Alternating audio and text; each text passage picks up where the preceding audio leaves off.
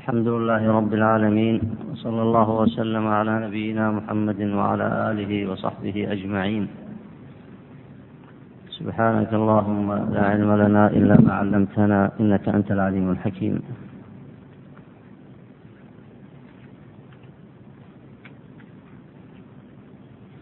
هذا الدرس في كتاب الإمام الشاطبي كتاب الاعتصام.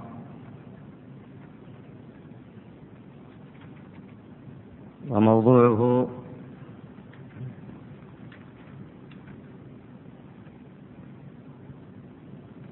الكلام عن خطر البدع وجريانها في الضروريات فيما يتعلق بالعقل ثم فيما يتعلق بالمال. وسيذكر الشاطبي في هذا الموضع الكلام عن أمثلة كثيرة يبين بها ما استحدثه الناس من البدع وأدخلوه في ما يتعلق بالعقل والمال. ومعلوم أن الشريعة مباركة جاءت بحفظ العقل. وشرع الله عز وجل لذلك أحكاما كثيرة. من ذلك حفظ العقل عن المسكرات والمخدرات وسائر المحرمات. ومن ذلك حفظ العقل من الأفكار الهدامة. والضلالات وأنواع الشرك. فإن أمراض العقل إما أن تكون بسبب المسكرات والمخدرات وإما أن تكون بسبب أنواع الشرك والضلالات. فالمسكرات وما في حكمها تذهب بالعقل في بعض الأحيان فيكون الإنسان تفكيره في هذا الوقت تفكير غير سوي ولا يتمكن من إقامة الصلاة والعبادات لأنه لا يدري ما يقول. وأما المرض الذي هو أشد وهو مرض العقل بسبب الأمراض الشركية والخرافات. فإن الخرافة إذا استولت على العقل أمرضته وأصبح الإنسان غير سوي. لا في وقت محدود بل في سائر الأوقات. فهي أخطر وأشد من المسكرات وسائر المحرمات الأخرى. وكذلك الضلالات. فإنها توقع المكلف في انحراف عقلي يؤدي به إلى مخالفة الكتاب والسنة. ويؤدي به إلى الكلام في الله بغير علم. ويؤدي به إلى الانحراف عن الحق. وهذا أشد خطرا من المسكرات ومن سائر المحرمات الأخرى. فالعقل يمرض بهذين المرضين. ولذلك جاءت الشريعة المباركة لحفظه من كل الأمراض التي تعتبره. فالعقل البشري الآن كما نشاهد عند الأمم الأخرى وعند من تأثر بذلك من المسلمين قد تعتريه الأمراض الحسية بسبب المسكرات وغيرها قد تعتريه الأمراض المعنوية الخبيثة بسبب الشرك والضلالات ومن هنا سيعود المصنف معكم إلى استعمال أصله في هذا الكتاب الذي عليه ذكر تحريم البدع والآفات والضلالات وهو تحريم التشريع من دون الله. فإذا دخل العقل فيما ليس له من التشريع من دون الله فهذا من أخطر أمراضه. وبذلك ضلت الفرق كالمعتزلة وغيرهم لأنهم أدخلوا العقل في غير مجاله. وردوا به نصوص الكتاب والسنة. وكذلك يدخل العقلانيين في هذا العصر ويدخل كل المخالفين للكتاب والسنة الذين يعتمدون على عقولهم بزعمهم فيشرعون ما لم يأذن به الله. أما الموضع الآخر الذي سيتكلم فيه فهو ما يتعلق بالضروري الخامس وهو حفظ المال. وسيبين الشاطبي هنا رحمه الله كيف أدخل الكفار البدع فيما يتعلق بهذا الضروري. ولا يعرف الشيء إلا بضده. الشريعة الإسلامية حفظت المال بتحريم العقود الفاسدة. وإقامة حد السرقة. وتحريم أكل أموال الناس بالباطل. وسائر ما ورد فيها من الأحكام الشرعية المعروفة. فالجاهليات تنتهك هذا الحمى. تنتهك هذا الحمى الذي هو حدود الله. فأول مثال ذكره ما سيأتي الكلام عليه وهو قول أهل الجاهلية إنما البيع مثل الربا. وسيبين وجه الابتداع في هذا وجه التشريع ثم سينتقل إلى أمثلة أخرى كانت في حال الجاهلية وسيبين من خلالها كيف أدخل أهل البدع من الجاهليين ومن نحى نحوهم. أدخلوا البدع في هذه الضروريات التي لا يمكن أن يستقيم مجتمع بحال من الأحوال إلا بحفظ الضروريات الخمس. هذا موضوع الدرس في الجملة وسنقرأ كلام الشاطبي رحمه الله ثم نقف عند كل موضع بما يناسب إن شاء الله تعالى. اقرأ بارك الله فيك. بسم الله الرحمن الرحيم. والحمد لله رب العالمين وصلى الله وسلم وبارك على نبينا محمد وعلى آله وصحبه أجمعين. قال المصنف رحمه الله فصل ومثال ما يقع في العقل.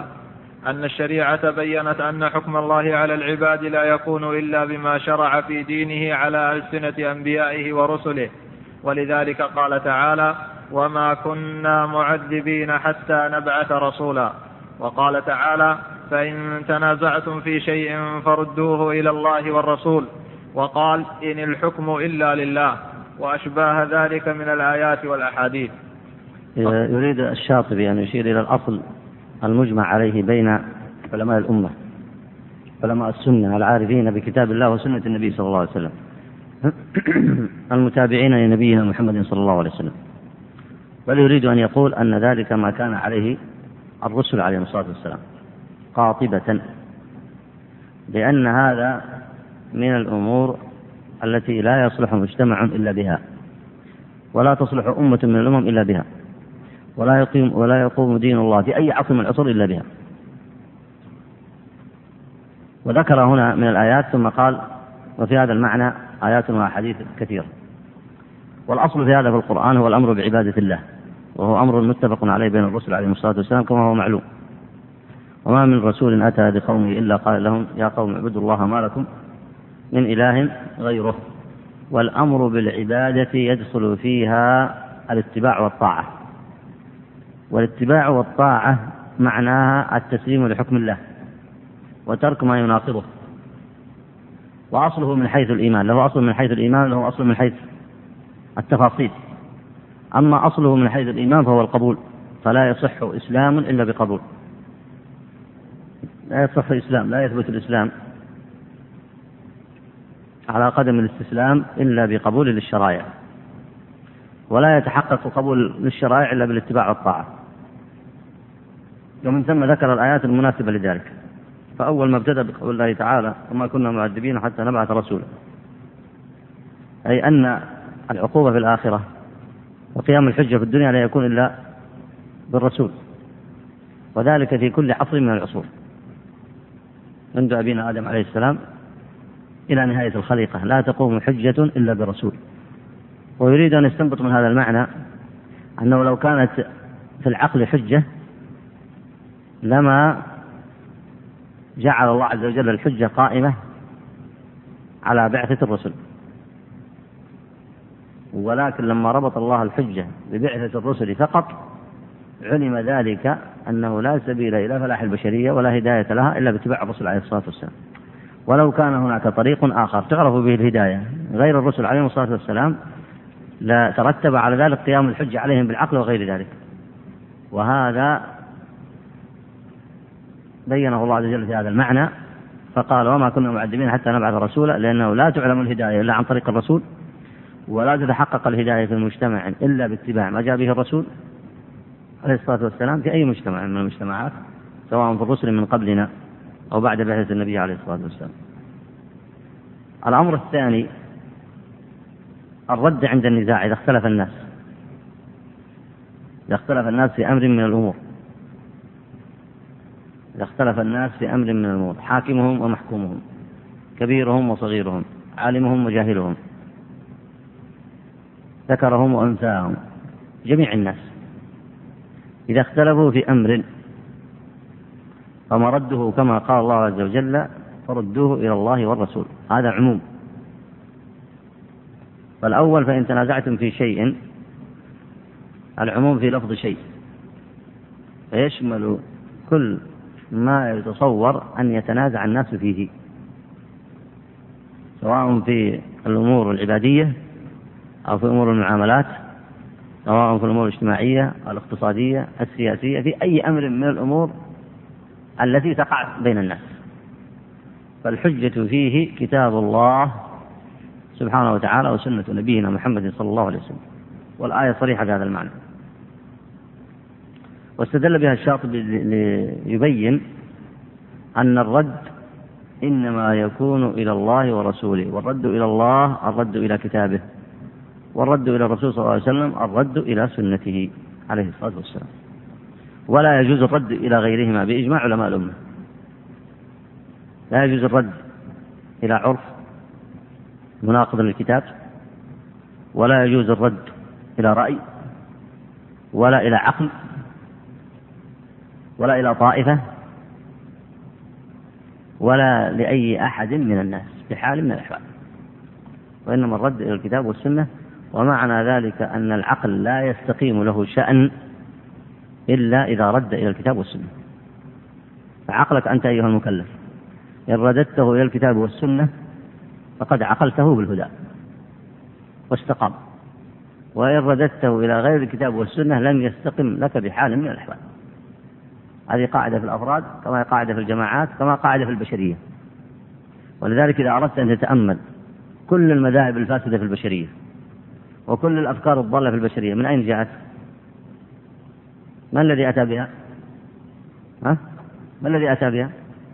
السذج من الناس الرعاع السوقة ولا أتى بها بزعمهم العقلاء والحكماء ها؟ والمقدمون في الناس والأحبار والرهبان والمشرعون وأصحاب الفكر ما الذي جاء بها؟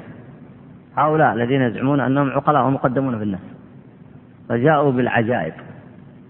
جاءوا بالعقائد الضالة وبالأفكار المنحرفة وبالخزعبلات وبالخرافات. وأحلوا ما حرم الله. وحرموا ما, حل ما أحل الله وما يكادون يتركون أمرا من أمر الفطرة المستقر في الفطر إلا نقضوه. حتى استحلوا ما لم يستحله كثير من المشركين من قبله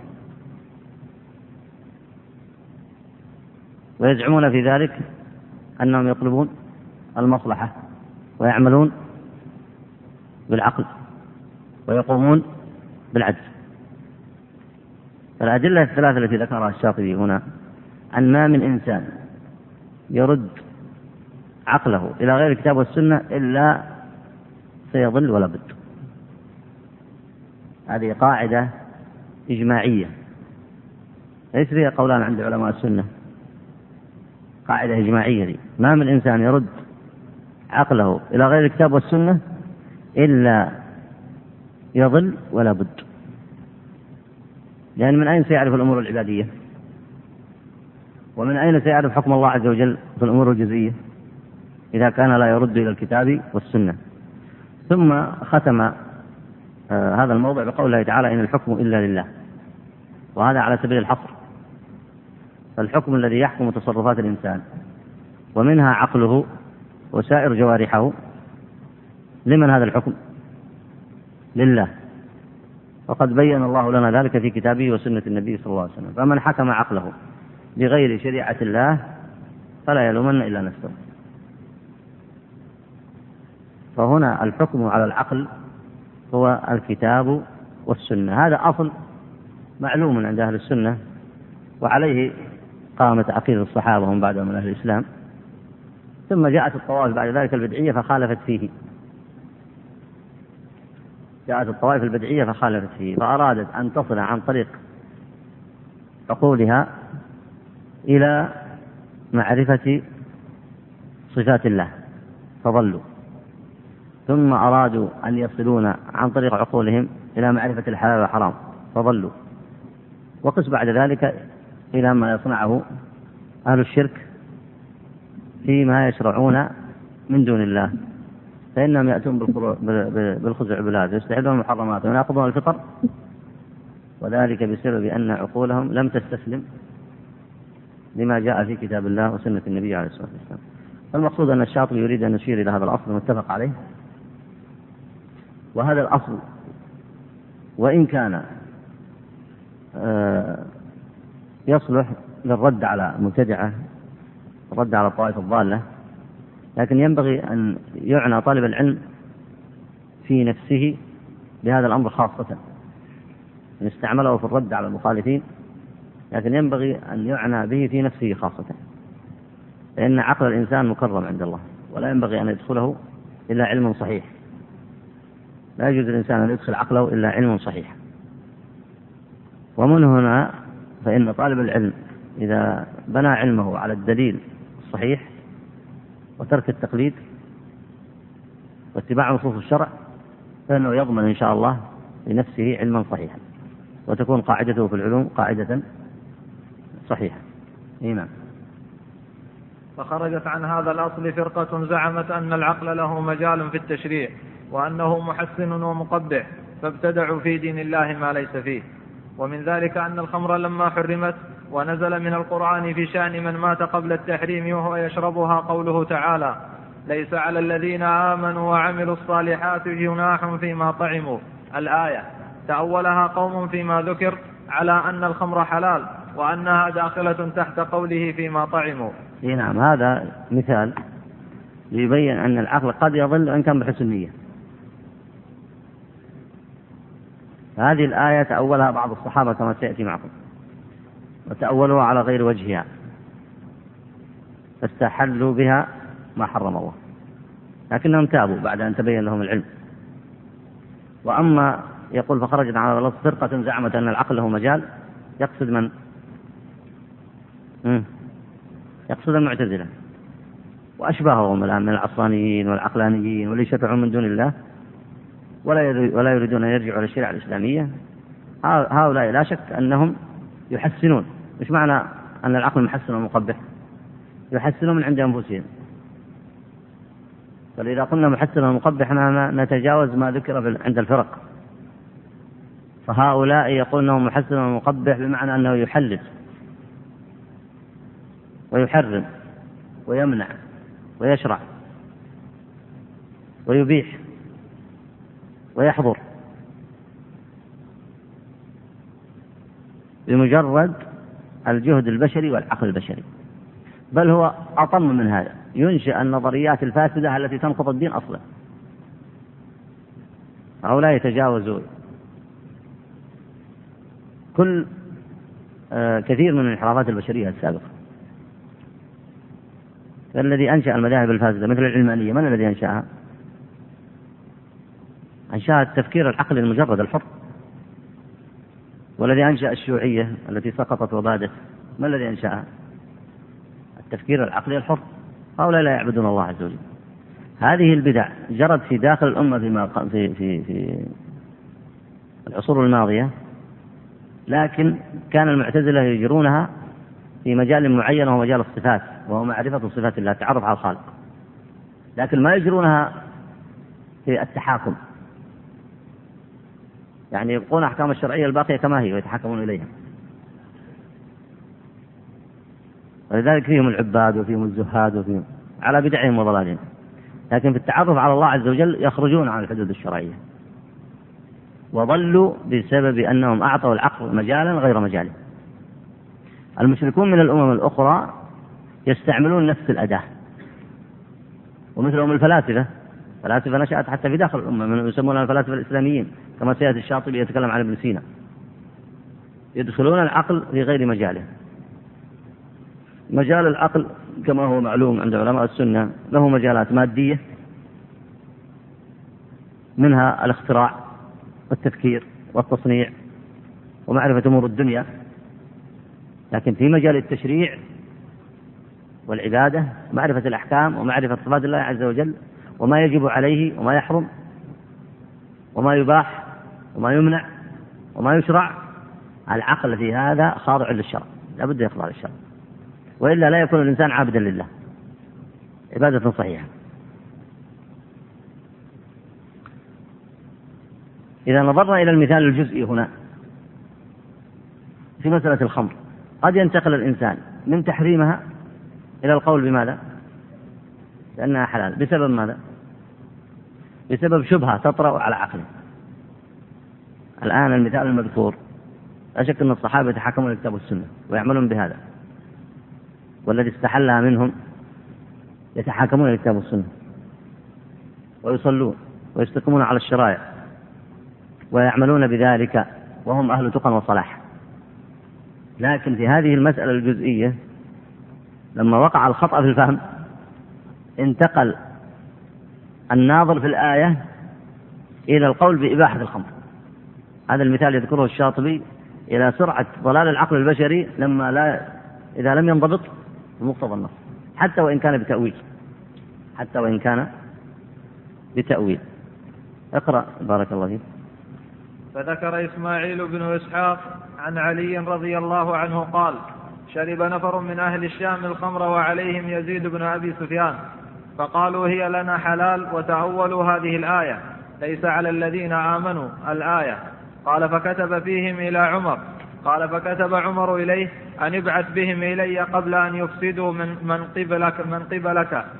فلما قدموا إلى عمر استشار فيهم الناس. فقالوا يا أمير المؤمنين نرى أنهم قد كذبوا على الله وشرعوا في دينه ما لم يأذن به. فاضرب أعناقهم. وعلي رضي الله عنه ساكت. قال فما تقول يا أبا الحسن؟ فقال أرى أن تستتيبهم فإن تابوا جلدتهم ثمانين لشربهم الخمر وإن لم يتوبوا ضربت أعناقهم فإنهم قد كذبوا على الله وشرعوا في دين الله ما لم يأذن به. فاستتابهم فتابوا فضربهم ثمانين ثمانين. فهؤلاء استحلوا بالتأويل ما حرم الله وبنص الكتاب وشهد فيهم علي رضي الله عنه وغيره من الصحابة بأنهم شرعوا في دين الله. وهذه هي البدعة بعينها فهذا وجه. أي نعم. هذه القصة آه، ذكرها ابن حجر في فتح الباري وذكرها ابن أبي شيبة في المصنف ومشهورة في كتب الفقه. فالحاصل أن الذين شربوها أن الإنسان قد يشربها وهو عاص لله مقر بتحريمها. فهذا يكون من أصحاب الكبائر. الجلد له أن يجلد كفارة لذنبه فإن مات على ذلك فهو من أصحاب الكبائر ومعروف اعتقاد أهل السنة في أصحاب الكبائر. أنهم وإن عذبوا عليها تحت المشيئة وإن عذبوا عليها فيكون مآلهم إلى الجنة وإن طال أمرهم في النار أو قصر. لكن مآلهم إلى الجنة بعد أن يعذبوا إذا شاء الله عز وجل أن يعذبهم على كبائرهم. لكن متى هذا؟ إذا كان يشربها إذا شربها أقر بحرمتها وأقر على نفسه بالذنب. الصورة الثانية الصورة الثانية أن يشربها ويستحلها سواء صراحة أو بالتأويل. الذي وقع هنا هو استحلالها بالتأويل. والتأويل من أين دخل إلى عقولهم؟ والمثال الآن ليبين الشاطبي كيف تدخل البدعة على العقل وكيف يقع العقل في التشريع من دون الله. التأويل دخل عليهم من قوله تعالى من فهمهم لقوله تعالى ليس على الذين آمنوا وعملوا الصالحات جناح فيما طعموا. وهذه الآية لها سبب نزول. هذه الآية لها سبب نزول. ومن شرط صحة طلب العلم أن يعرف الإنسان سبب نزول الآية. وحتى السبب الذي من أجله جاء حديث النبي عليه الصلاة والسلام. فلا بد له من جمع النصوص ومعرفة أسباب النزول ومعرفة الناسخ والمنسوخ والعلاقة بين النصوص حتى يكون على بينة من أمره. فهذه الآية نزلت لما سأل قوم عن من مات في أحد. وقبل أحد من الصحابة ممن كانوا يشربون الخمر قبل أن تحرم. فقالوا بعد أن حرمت الخمر ما شأن إخواننا الذين ماتوا وكانوا يشربونها. وهم من أهل التوحيد والصلاة. من أصحاب النبي عليه الصلاة والسلام. وأهل تقوى وصلاح لكن ما حرمت الخمر. ما حرمها الله عليهم. فنزلت هذه الآية. ليس على الذين آمنوا وعملوا الصالحات جناح فيما طعموا. أي قبل تحريمها. وأيضا الآية دالة على أن من طعم شيئا فلا جناح عليه إذا ما اتقى الله عز وجل. وكيف يتقي الله من يشرب الخمر بعد تحريمها؟ فتأولهم بهذه الآية في غير في غير موضعه في غير محله. ومن ثم هل سيتعامل معهم أمير المؤمنين عمر رضي الله عنه؟ لأنهم عصاة. ولا سيتعامل معهم معاملة أخرى. سيتعامل معهم معاملة أخرى. يعني سيخيرهم يقول من أي الصنفين أنتم؟ هل أنتم من العصاة الذين يشربونها فقد يتوبون وقد لا يتوبون؟ أم أنتم من الذين يستحلونها؟ فإن كانوا من الأول فالحكم فيهم ما هو؟ الجلد ثمانين. وإن كانوا من الثاني فالحكم فيهم يستتابون توبة المرتد. فإن تابوا وعادوا إلى الإسلام قبلت توبتهم. وإن لم يتوبوا ويعودوا إلى الإسلام لأنهم كفروا بذلك يكفرون بهذا. يستتابون توبة المرتد. فإن عادوا إلى ذلك عادوا إلى الإسلام وتابوا فحينئذ لا يعاقبون. وتكون المسألة قد انتهت. قوم استحلوا أمرا بتأويل أو بغير تأويل ثم تابوا والحمد لله رب العالمين. وإن لم يتوبوا وبقوا على الاستحلال فإنهم حينئذ مرتدون يقتلون ردة ويموتون كفارا. ولذلك كما ورد في القصة هنا من فقه الصحابة قالوا أولا ما شأنهم؟ إن كانوا عصاة فحكم العصاة معروف وإن كانوا يريدون يستحلونها؟ قال أرى أن تستتيبهم فإن تابوا جلدتهم ثمانين لشربهم الخمر. وإن لم يتوبوا ضربت أعناقهم. إن لم يتوبوا عن أي شيء؟ عن الشرب ولا عن الاستحلال؟ عن الاستحلال. إن لم يتوبوا تضرب أعناقهم ردة. أن هذا مجمع عليه عند علماء الأمة. من أتى معصية ثم استحلها من أمر معلوم فإنه يكون مرتدا. أي نعم.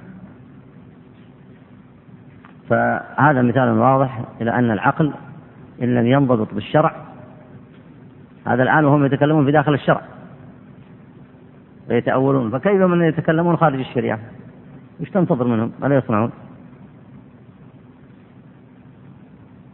هؤلاء يكونون أشد ضلالا وتيها. أي نعم وأيضا فإن بعض الفلاسفة الإسلاميين تأولوا فيها غير هذا وأنه إنما يشربها للنفع لا للهو وعاهد الله على ذلك فكأنها عندهم من الأدوية أو غذاء صالح يصلح يصلح لحفظ الصحة ويحكى هذا العهد عن ابن سينا. أي نعم. ابن سينا فيلسوف والناس طبعا يذكرون اسمه هنا على أنه من الفلاسفة. وقد يقال لأبنائنا في المدارس أيضا أن بعض المدرسين أنه فيلسوف وأن الإسلام يفتخر به. الفلاسفة منهم من هو خارج الإسلام ومنهم من هو منتسب إلى الإسلام. فابن سينا هو فيلسوف وهو أبو علي الحسين بن عبد الله بن الحسن بن علي بن سينا البلخي. كان أبوه كاتبا من دعاة الإسماعيلية الإسماعيلية من أخبث الطوائف. تعلم الفلسفة والطب فبرع فيها وألف الشفاء والقانون والإشارات وله أشياء لا تحتمل وقد كفره الغزالي. وقد كفره الغزالي. وذكر شيخ الإسلام ابن تيمية أنه كان معروفا عنه وعن أهله الإلحاد. عنه وعن أهله الإلحاد. وأحسن ما يظهرون دين الرفض. وهم في الباطن يبطنون الكفر المحض. توفي سنة 428 هذه ترجمة ابن سينا عند علماء السنة. وكذلك عند من كتب في الفلسفة. حتى من دخل في الفلسفة لأن الغزالي في فترة من فتراته دخل في كتب الفلسفة والتصوف وعرف من عند ما عند الفلاسفة. ولا شك أن دخوله في ذلك كان بسبب اتجاهه في مخالفة السنة. وهذا أيضا مما يدلكم على أن العقل إن لم ينضبط بالشرع فإنه لا يفيد الأكابر فضلا أن يفيد الأصاغر وأنه لا يفيد, لا يفيد العلماء فضلا أن يفيد الجهال الغزالي كان رجلا قوي الذكاء سيال الذهن فيه فرط قوة في ذكائه ولكنه لم يضبط عقله بالشرع. فذهب يتعلم علم الفلاسفة فدخل في الفلسفة وما استطاع أن يخرج منها فتن بها. ثم بعد أن فتن بها شعر بالجفاء والغلظة والشدة وكلام الفلاسفة الذي لا روح فيه معارض لما جاءت به الشرائع مفسد للنفس والقلب. وانظر ابن سينا هذا كيف يستحل الخمر وبالفلسفة. يقول إنها مفيدة والخمر محرمة وهو يعلم أنها محرمة. فيلسوف مطلع على الشرائع ولا شك مطلع على الإسلام. ولكن هذا من الزندقة لأنهم يعارضون ما علم من الدين بعقولهم فيستحلونها. ويقولون فيها نفع الله عز وجل يقول رجس من عمل الشيطان وهم يقول لها نفع. والله عز وجل كما ورد في حديث النبي عليه الصلاة والسلام أن النبي صلى الله عليه وسلم قال إنها داء وليست بدواء. كما الحديث الصحيح وهم يقولون دواء. والله عز وجل يقول من الخبائث وهم يقولون من المنشطات من الذي صار يشرع لها؟ ما الذي صار يشرع؟ وصار الرد إلى أي شيء؟ إلى الشريعة وإلى العقول هؤلاء الفاسدة؟ لكن الغزالي فيه دين. ما هو أمثال ما هم أمثال هؤلاء الفلاسفة؟ ولذلك هؤلاء الفلاسفة أمثالهم هلكوا على فلسفتهم وساء ما فعلوا. لكن الغزالي فيه دين. فلما رأى أن الفلسفة إنما هي فساد وفتنة وقد فتن هو بنفسه. دخل لفرط ذكائه في كتب الفلسفة وشبع منها. فلما دخل فيها عرف أنه قد ضاع وبحث عن خط الرجعة. وكانت في تلك الفترة الذي يمثل في المتفقهة أكثرهم الذي يمثل الإسلام عن طريق التقليد. وكثير من المتفقهة على فساد كبير. فلما رجع رحمه الله عن الفلسفة أين يذهب؟ ذهب لإصلاح الباطن.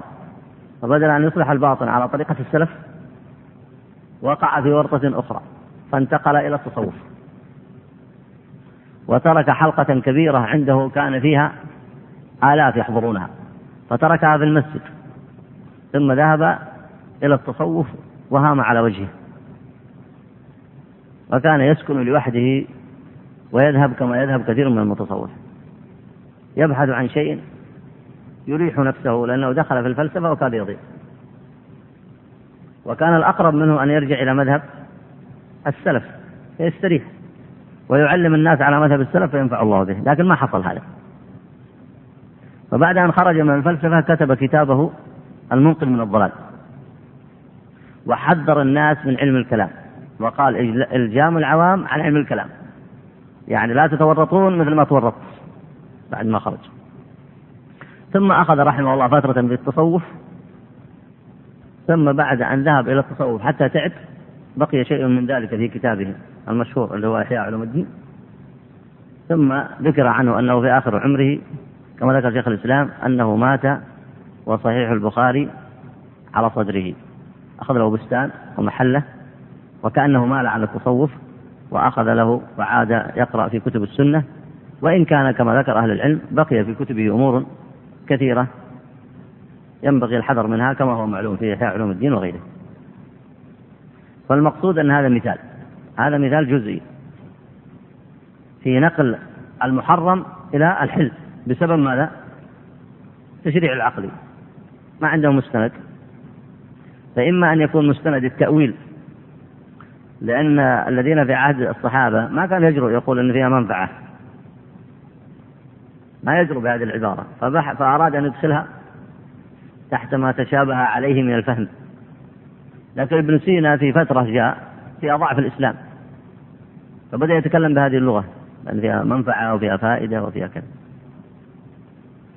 فالمقصود أن العقل إذا تنحى عن الأحكام الشرعية وأخذ, وأخذ يفكر من خارج الضوابط الشرعية فلا بد أن ينحرف إلى الضلالات والبدع. ولذلك المثال المذكور فيما ذكره إسماعيل بن إسحاق عن علي رضي الله عنه هذا مثال ليس للمعصية وإنما انتقلوا إلى حد الافتراء على الله. ولذلك قال آه لما استشار عمر أحد الصحابة قال لهم نرى أنهم كذبوا على الله وشرعوا في دينه ما لم يأذن به الله. شوف النص عنده. فالمعصية من حيث هي معصية ليست افتراء على الله. لأن العاصي إذا كان مجرد معصية ما يفتري على الله. ما يقول الله أراد كذا وهذا أمر الله ومعصية فيها منفعة ويشرع من دون الله ما يقول. المعصية من حيث هي معصية ليس فيها افتراء. وإنما الافتراء كما سبق كلام الشاطبي في أي شيء في التشريع من دون الله لأنه كذب. ولذلك قالوا نرى أنهم قد كذبوا على الله وشرعوا في دينه ما لم يأذن به الله نفس هذه القاعدة إذا أردت تطبقها على كلام ابن سينا وش تقول؟ يقول فيها منفعة ومصلحة وحفظ للصحة. نقول كما قال الصحابي الجنة نقول نرى أنه كذب على الله وافترى على الله وشرع في دين الله ما لم يأذن به الله ومن هنا تفرق. هذه المسائل كثرت في, كتاب الاعتصام. تفرق بين المعصية من حيث هي معصية؟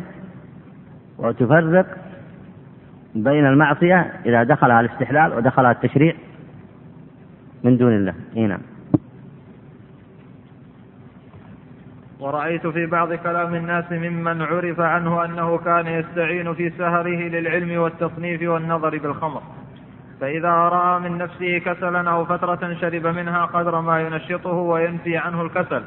بل ذكروا فيها أن لها حرارة خاصة تفعل أفعالا كثيرة وتطيب النفس وتصير الإنسان محبا للحكمة وتجعله حسن الحركة والذهن والمعرفة. فإذا استعملها على الاعتدال عرف الأشياء وفهمها وتذكرها بعد النسيان. فلهذا والله أعلم كان ابن سينا لا يترك استعمالها على ما ذكر عنه وهو كله ضلال مبين عياذا بالله من ذلك. أي نعم. ما الذي يستفيده من العلم إذا استحل المحرمات؟ وما الذي يستفيده من الحكمة إذا كذب على الله؟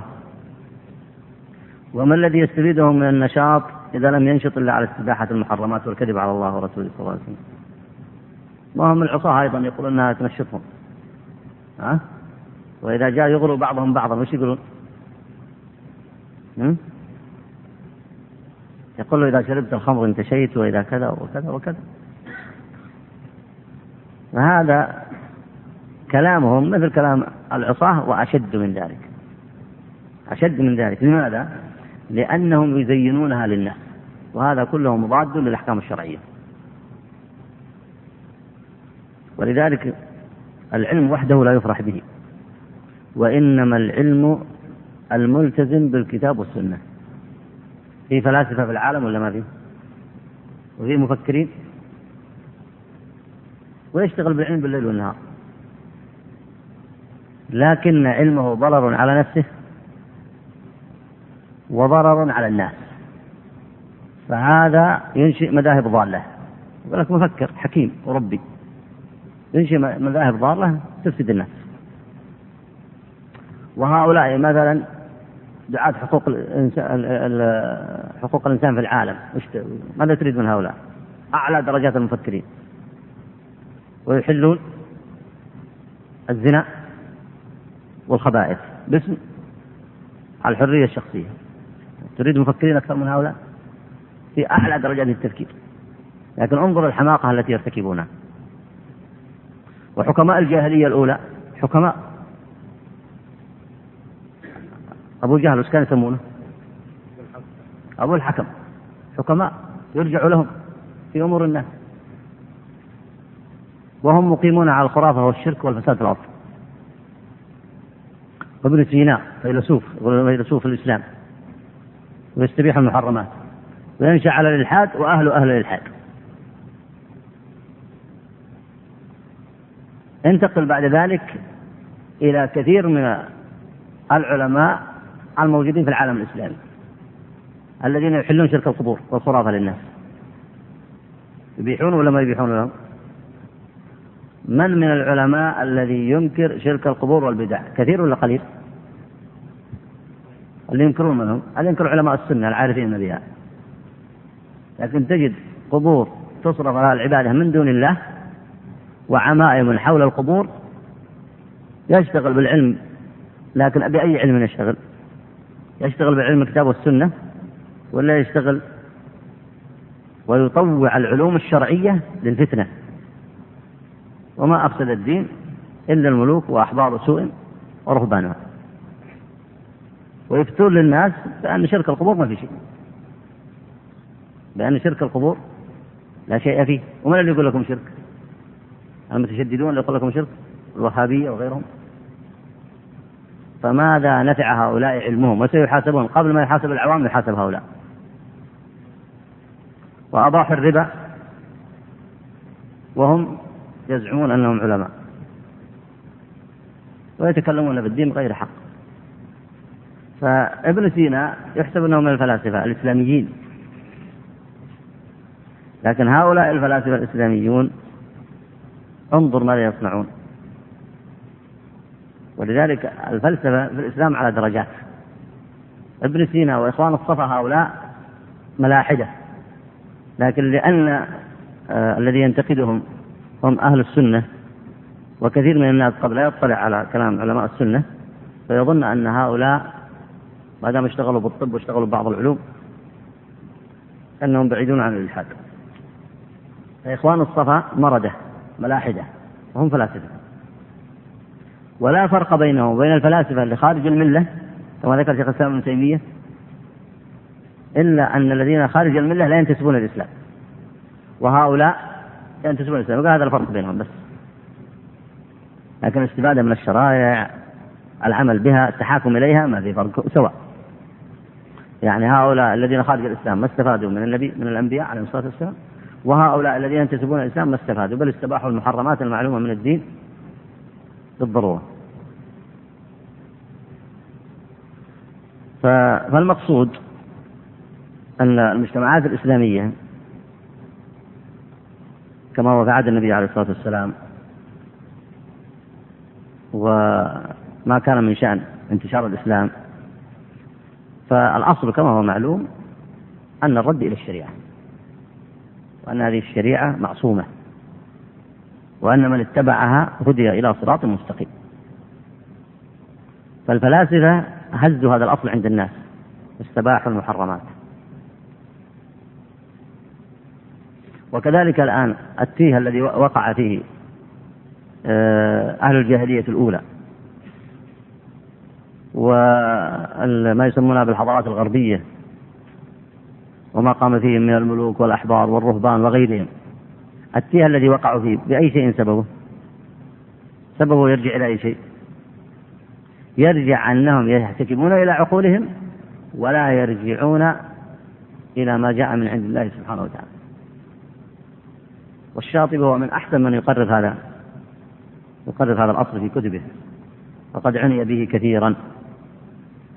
بل إنك لا تستطيع أصلا أن تحرم البدع إذا تركت مجالا للعقل الفاسد في التفكير. لأن العقل له أن يستحدث ما شاء ويشرع ما شاء سواء من البدع الجزئية أو إن شئت بعد ذلك تنتقل إلى بدع الفرق أو إن شئت بعد ذلك تنتقل إلى القوانين الوضعية المخالفة للشريعة. هذه كلها ابتدعها العقل. أو إن شئت تنتقل إلى المذاهب الكبرى في العالم كالعلمانية والشيوعية والوجودية. كل هذه ابتدعها عقول المفكرون. عقول ابتدعتها عقول المفكرين. وإذا جاء, جاء قال لهم قائل ارجعوا إلى ما قال الله ورسوله استنكفوا واستكبروا وأعرضوا. وسواء منهم من لا ينتسب إلى الإسلام أصلا أو من انتسب إلى الإسلام.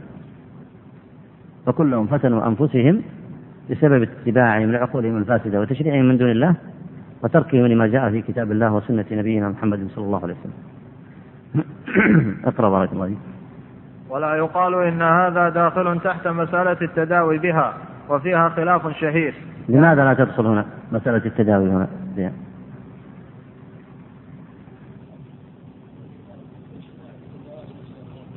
أحسنت يعني إن يأتيك إنسان ويقول لك يا أخي أنتم الآن هذا الذي وقع منهم الاستحلال في عهد الصحابة بالتأويل. وابن سينا لما كان يشربها لتلك المقاصد أنتم تشنعون على هذا لماذا؟ هي مسألة عند الفقهاء معروفة وهي مسألة التداوي بالخمر ومنهم من قال يجوز ومنهم من قال لا يجوز ومسألة موجودة في كتب الفقه. فلماذا نقلتم هذه المسألة إلى ما ذكرتم سابقا. ولماذا لا تعتبرونها مسألة جزئية فقهية مختلف فيها؟ فيها قول صحيح وفيها قول غير صحيح. الشاطبي يقول لك لا أحد يعترض علينا فيقول إنها داخلة تحت مسألة التداوي. يقول هذه ليست داخلة تحت مسألة التداوي. مسألة التداوي عند الفقهاء حاصلها هل يجوز للمضطر في الدواء أن يستخدم الخمر علاجا أم لا؟ وقاسها من قال بالجواز على جواز أكل الميتة للمضطر إذا خاف الهلكة. الإنسان إذا خاف أن يموت إنسان في صحراء فاشتد به الجوع فصبر يوما أو يومين خاف أن يموت. فهل يشرع له أن يأكل من لحم الميتة؟ إذا وجد ميتة فقالوا نعم يشرع بل بعض الفقهاء من قال يجب عليه. فالمسألة التي عند الفقهاء قالوا فإن احتاج لشرب الخمر تداويا للضرورة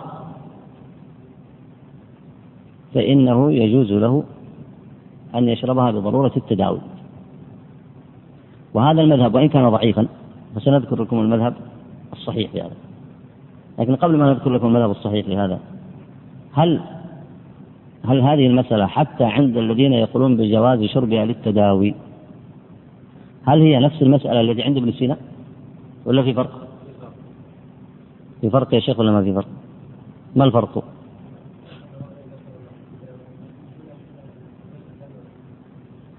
الذي ذكروا أحسنت الذي ذكروا للتداوي قالوا يجوز للمضطر إذا خاف الهلكة واحتاج لهذا الدواء فإنه يشربها. لكن ابن سينا يتكلم عن الضرورة ولا يتفلسف؟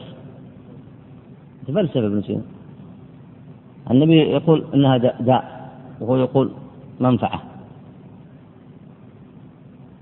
فهو يتفلسف على الشريعة. والذين استحلوها في عهد عمر استحلوها على أنها ضرورة ولا استحلوها من عند أنفسهم؟ استحلوها بأنها حلال في الأصل. وكلام ابن سينا يشبه كلامهم ولا ما يشبه كلامهم؟ يشبه كلام الأولين الذين استحلوها ولا لا؟ يشبه كلامه فهؤلاء يعتبرونها حلال في الأصل ونافعة وليست بمحرمة. الذين في زمن عمر يرون ليست بمحرمة. والله عز وجل يقول في القرآن؟ إنما الخمر والميسر والأنصاب والأزلام رجس من عمل الشيطان فاجتنبوه. هل بعد هذه الآية يقبل تأويل لمتأول فاجتنبوه. أي كما تجتنبون عبادة الأصنام. فاجتنبوا كذلك شرب الخمر فإنها رجس من عمل الشيطان. والأولون يستعملونها على أنها مباحة في الأصل. ولا يتكلمون في الضرورات؟ يتكلمون أنها ضرورة يتداوى بها ولا يستحلونها من حيث الأصل؟ اللي في زمن اللي في زمن عمر. الذين في زمن عمر يستحلونها من حيث الأصل ولا يقول أنها ضرورة؟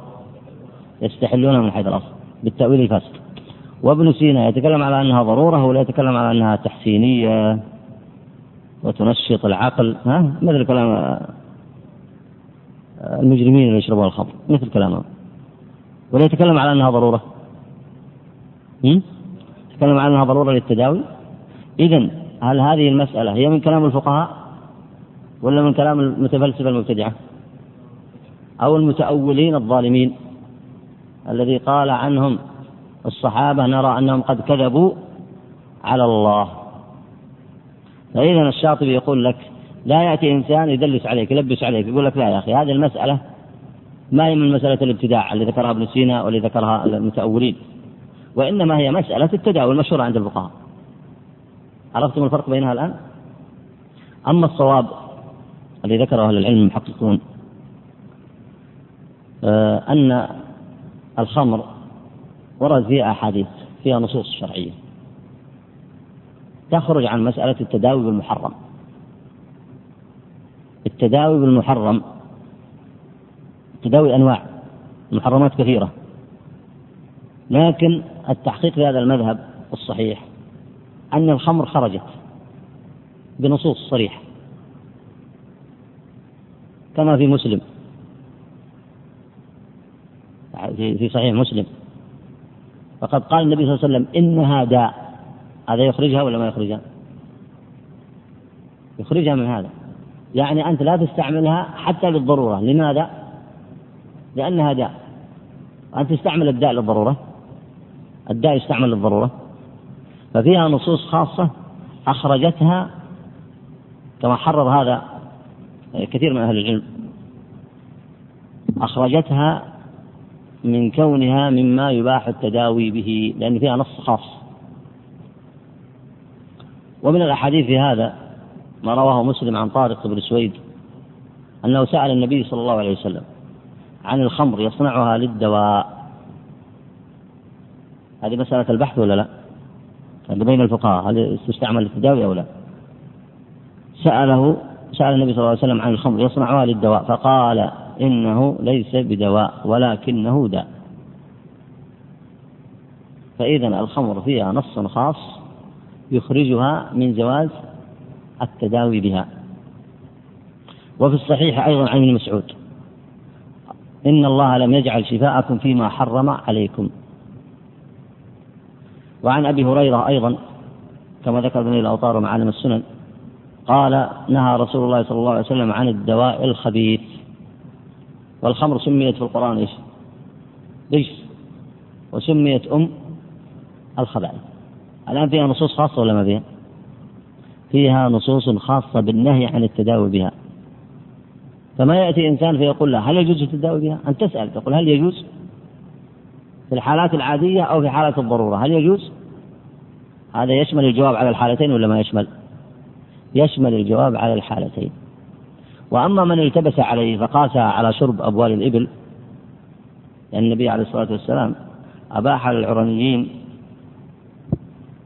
أن يشربوا يتداووا ويشربوا من أبوال الإبل أبوال الإبل ليست على الصحيح ليست بنجسة بل قالوا كل ما يؤكل لحمه فبوله طاهر.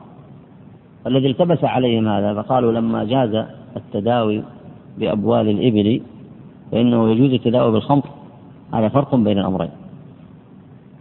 فإذا الجواب الأول أن الخمر فيها أدلة خاصة تدل على ماذا؟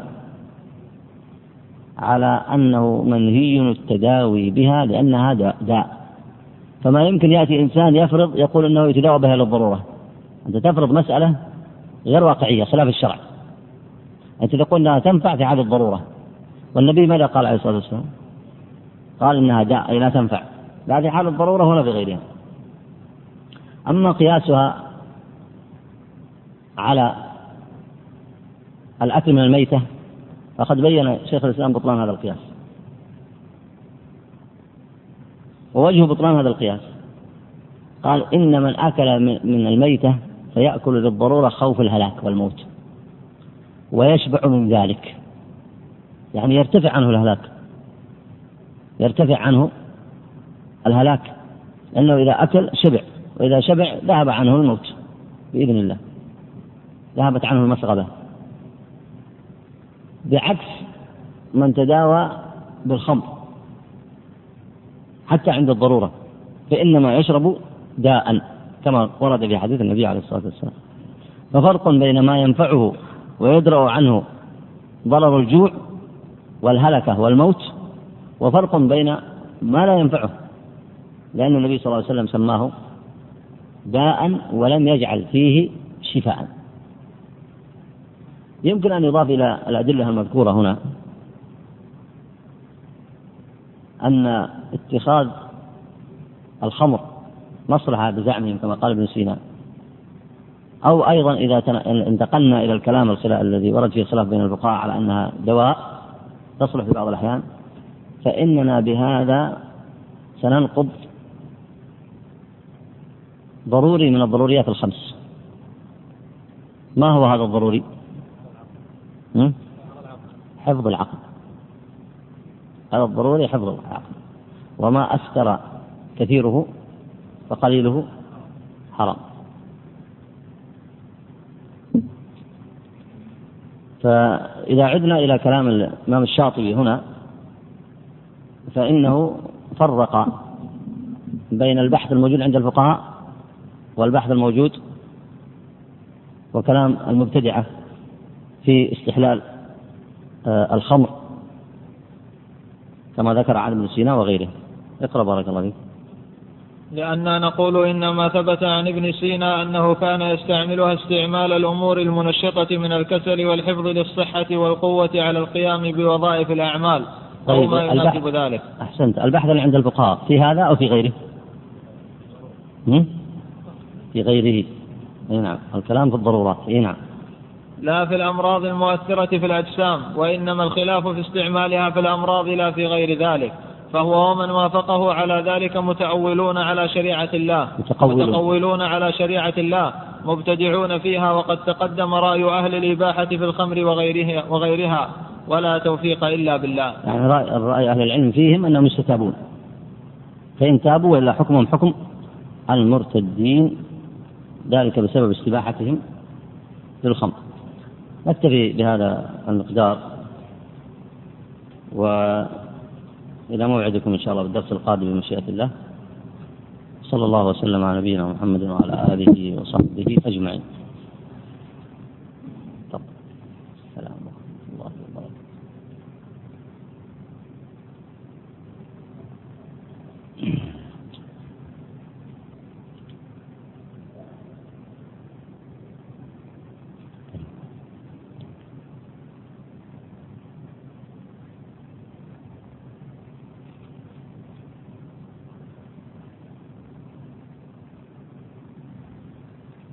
هذا السائل يسأل.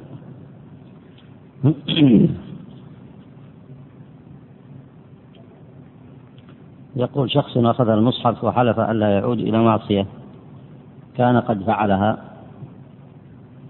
وقال حرام بالله لا أفعل مرة أخرى وهو لم يقصد التفريط في أهله.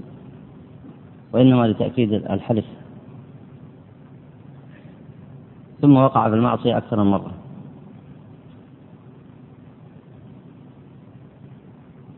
ثم أنه كرر المعصية أكثر من مرة.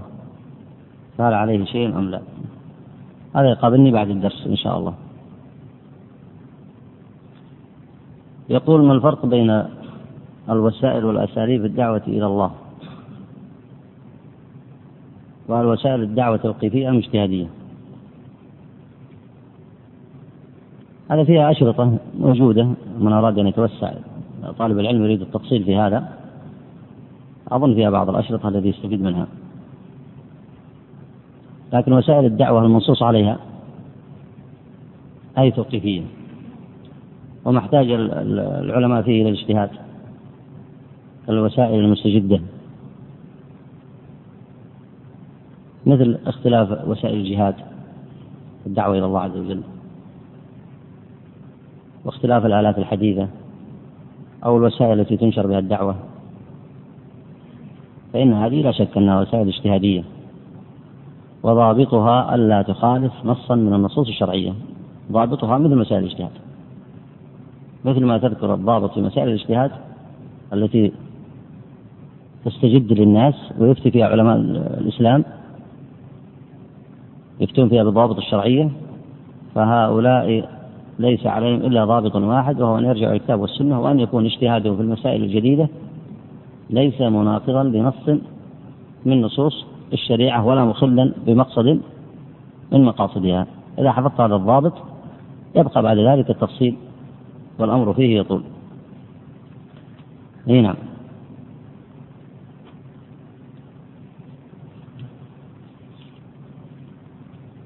هذا السائل يقول نشر عدد في عدد سابق من أعداد مجلة المجتمع.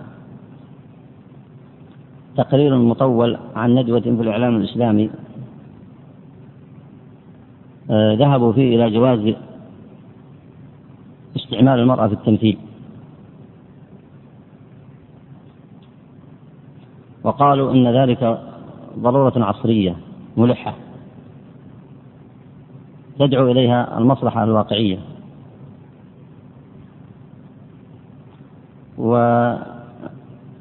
ويقولون أن الأمة لابد أن تتبنى فقه التيسير ومن ذلك إباحة الغناء بالموسيقى وإباحة تمثيل المرأة. على أي حال هذه المسألة؟ كما ترون ليس عندهم دليل فيها ليس عندهم دليل وإنما تارة يقول مصلحة وتارة يقولون الضرورة. وسيكون فيها ردود هذه المسألة. وقد اطلعت على رد أيضا في نفس المجلة على هذا القول يبين خطورة مثل هذه الأقوال. وأما الشروط التي ذكروها وتمثيل المرأة كما اطلعت عليها وأنا أتكلم عن المسألة الآن كلاما مختصرا ولعله يأتي له بسط في موضع مناسب. في هذا الكتاب. وهي ليست مسألة جديدة يثيرها هؤلاء بل آه، هناك من نادى بإباحة التمثيل للمرأة. وحاول أن يجد لهذا شرعية. وأما الشروط التي ذكروها فهي شروط غير واقعية. فمن الشروط التي ذكروها الشرط الأول أن تمثل المرأة إذا كان الأمر ضروريا. وهذا الشرط غير واقعي لأنه يقال لهم وهل خروج المرأة في القنوات ضروري؟ مصطلح ضروري عند الفقهاء محدد متعلق بحفظ الضروريات الخمس المعروفة. فهذا ليس بضروري. هذا الشرط لا فائدة فيه. وهو شرط فاسد. الأمر الثاني قالوا أن المرأة تتحجب بمعنى تغطي رأسها. والسؤال هنا وماذا عن وجهها وجماله؟ هل يجوز النظر إليه؟ يقال لهؤلاء المفتين. هل يجوز النظر إليها؟ أم أنكم إذا أخرجتموها في القنوات تقولون إنما ينظر إليها النساء دون الرجال؟ أو أنتم أخرجتموها للرجال والنساء فماذا سيقولون؟ سيقولون أخرجناها للمشاهدين. فيقال لهؤلاء المفتين هل يجوز النظر إليها؟ وتأمل محاسنها؟ أم أن المشاهد ينظر في الرجل ولا ينظر في المرأة؟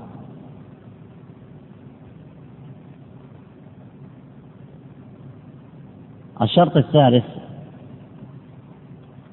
قالوا أنه يجب على المصور أن يتجنب مفاتنها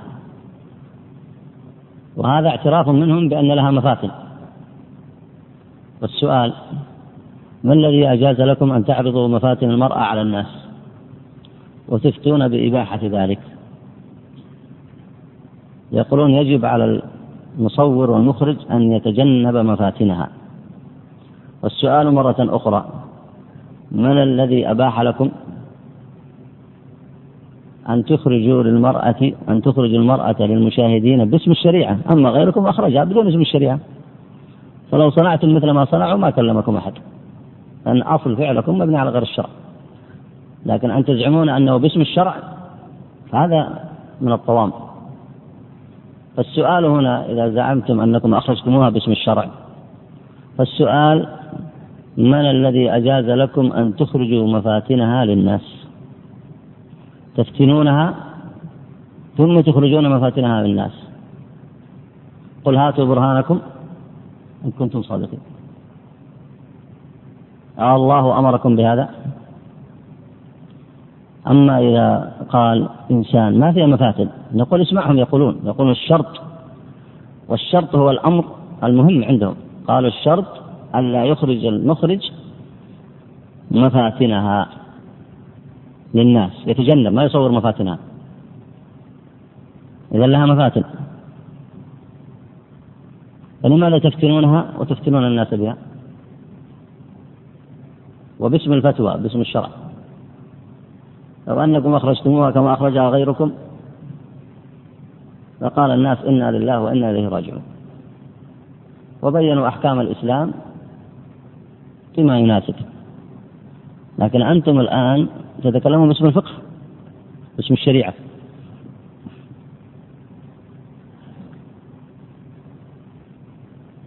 هذه الشروط المذكورة الشروط غير مقبولة وغير واقعية. فأولا تمثيل المرأة في القنوات ليس بضروري. الأمر الثاني أنه لا يمكن أن تكون المرأة ممثلة في أوساط ما يسمونه بالفن في الشرق أو في الغرب وعند جميع المشتغلين بذلك لا يمكن أن تكون ممثلة إلا أن تكون مؤثرة. لا يمكن أن تكون ممثلة إلا أن تكون مؤثرة في المشاهدين. إذا كانت مؤثرة في المشاهدين فلا بد أن تستعرض قدراتها. فتارة ضاحكة ولا ما تضحك؟ تمثل ولا تضحك؟ تصلح تكون ممثلة إذا كانت لا تضحك. ثم أيضا تكون ممثلة وهي شوهاء قبيحة. هل تصلح ممثلة إذا كانت شوهاء قبيحة؟ ولا بد يكون فيها مسحة جمال. لا بد أن يكون فيها مسحة جمال. إذ لا تقبل في التمثيل أن تكون قبيحة إلا إذا كانت تريد أن تمثل دورا قبيحا وهذا مستثنى لكن الأصل أنها لا تمثل الدور القبيح فقط. فعلى هذا إذا كانت ممثلة فلا بد أن يكون فيها مسحة جمال ثم لا بد أن تحرك مشاعر المشاهدين. فإذا كانت تمثل كونها زوجة فلا بد أن تتعامل بأخلاق الزوجة المتحببة إلى زوجها. وإذا كانت تمثل بأنها بنت فلا بد أن تمثل حنان البنت إلى أبيها. وإذا كانت تمثل أنواعا أخرى من التمثيل أن تكون باكية فلا بد أن تبكي. وتارة تكون لا بد أن تكون ضاحكة فلا بد أن تضحك. وهكذا. فإذا لا بد أن يكون للممثل والممثلة كما هو معروف عند أصحاب الفن لا بد يكون لهم مشاعر. فمن فما الذي يجيز لها أن تظهر في القنوات ثم تمثل للناس بهذه الصورة؟ فإن قالوا لا إنما تكون جامدة. فنقول هذه ما يمكن تكون ممثلة. لا يمكن. يعني خروجها في الفيلم يعتبر عبث عند أصحاب التخصص. ما يمكن تكون ممثلة. فلكي تكون ممثلة ما صار فرق بينكم أنتم وبين سائر القنوات الأخرى إلا أنها هنا قد تلتزم بالكلمة الطيبة وتغطي رأسها. لكن في بقية الأمور أنتم وإياهم سواء. فلماذا تدخلون هذه المسألة تحت الأحكام الشرعية؟ بدون دليل. فمن أين كان تمثيل المرأة ضروري؟ ومن أين لكم أن المخرج يستطيع أن يخفي مفاتنها؟ وحركاتها في التمثيل ولا بد أن تكون ذات حركة وذات تأثير وذات حيوية حتى تكون ممثلة. فكيف يستطيع المخرج أن يخفي مفاتنها في التمثيل؟ ثم من أين لهؤلاء الذين أفتوا بذلك أن يبيحوا للناس النظر إلى المرأة؟ فكل هذه فتوى بغير علم عياذا بالله. كل هذه فتوى بغير علم. ومن مثلها قولهم أن تكون الموسيقى بالضوابط الشرعية. وأنا لا أدري ما الفرق بين موسيقى وموسيقى. كيف تكون موسيقى حرام بدون الضوابط الشرعية وتكون حلال بالضوابط الشرعية؟ الموسيقى عند أصحاب الاختصاص هي موسيقى. إلا أنها تكون تارة هادئة وتارة تكون غير صاخبة وتارة تكون مش عاد نقول عاد عند الناس الآن وش عاد نقول لكم؟ فمن الذي يفرق بين هذا ويقول هذه تجوز بضوابط شرعية وهذه لا تجوز بضوابط شرعية؟ من يصدق أمثال هؤلاء؟ فالمفروض أن أن أن على هؤلاء أن يتقوا الله عز وجل. ولا ولا يربط هذه الأفكار المنحرفة بأدلة الشريعة. لا يربطونها بأدلة الشريعة. وشروطهم المذكورة شروط ما ليست واقعية. فلا تمثيل المرأة ضروري. وأيضا لا يمكن إخفاء مفاتنها؟ على الشاشة الشاشة الجميلة الملونة. يمكن إخفاء مفاتن المرأة؟ هذا كلام عبث لا طائل تحته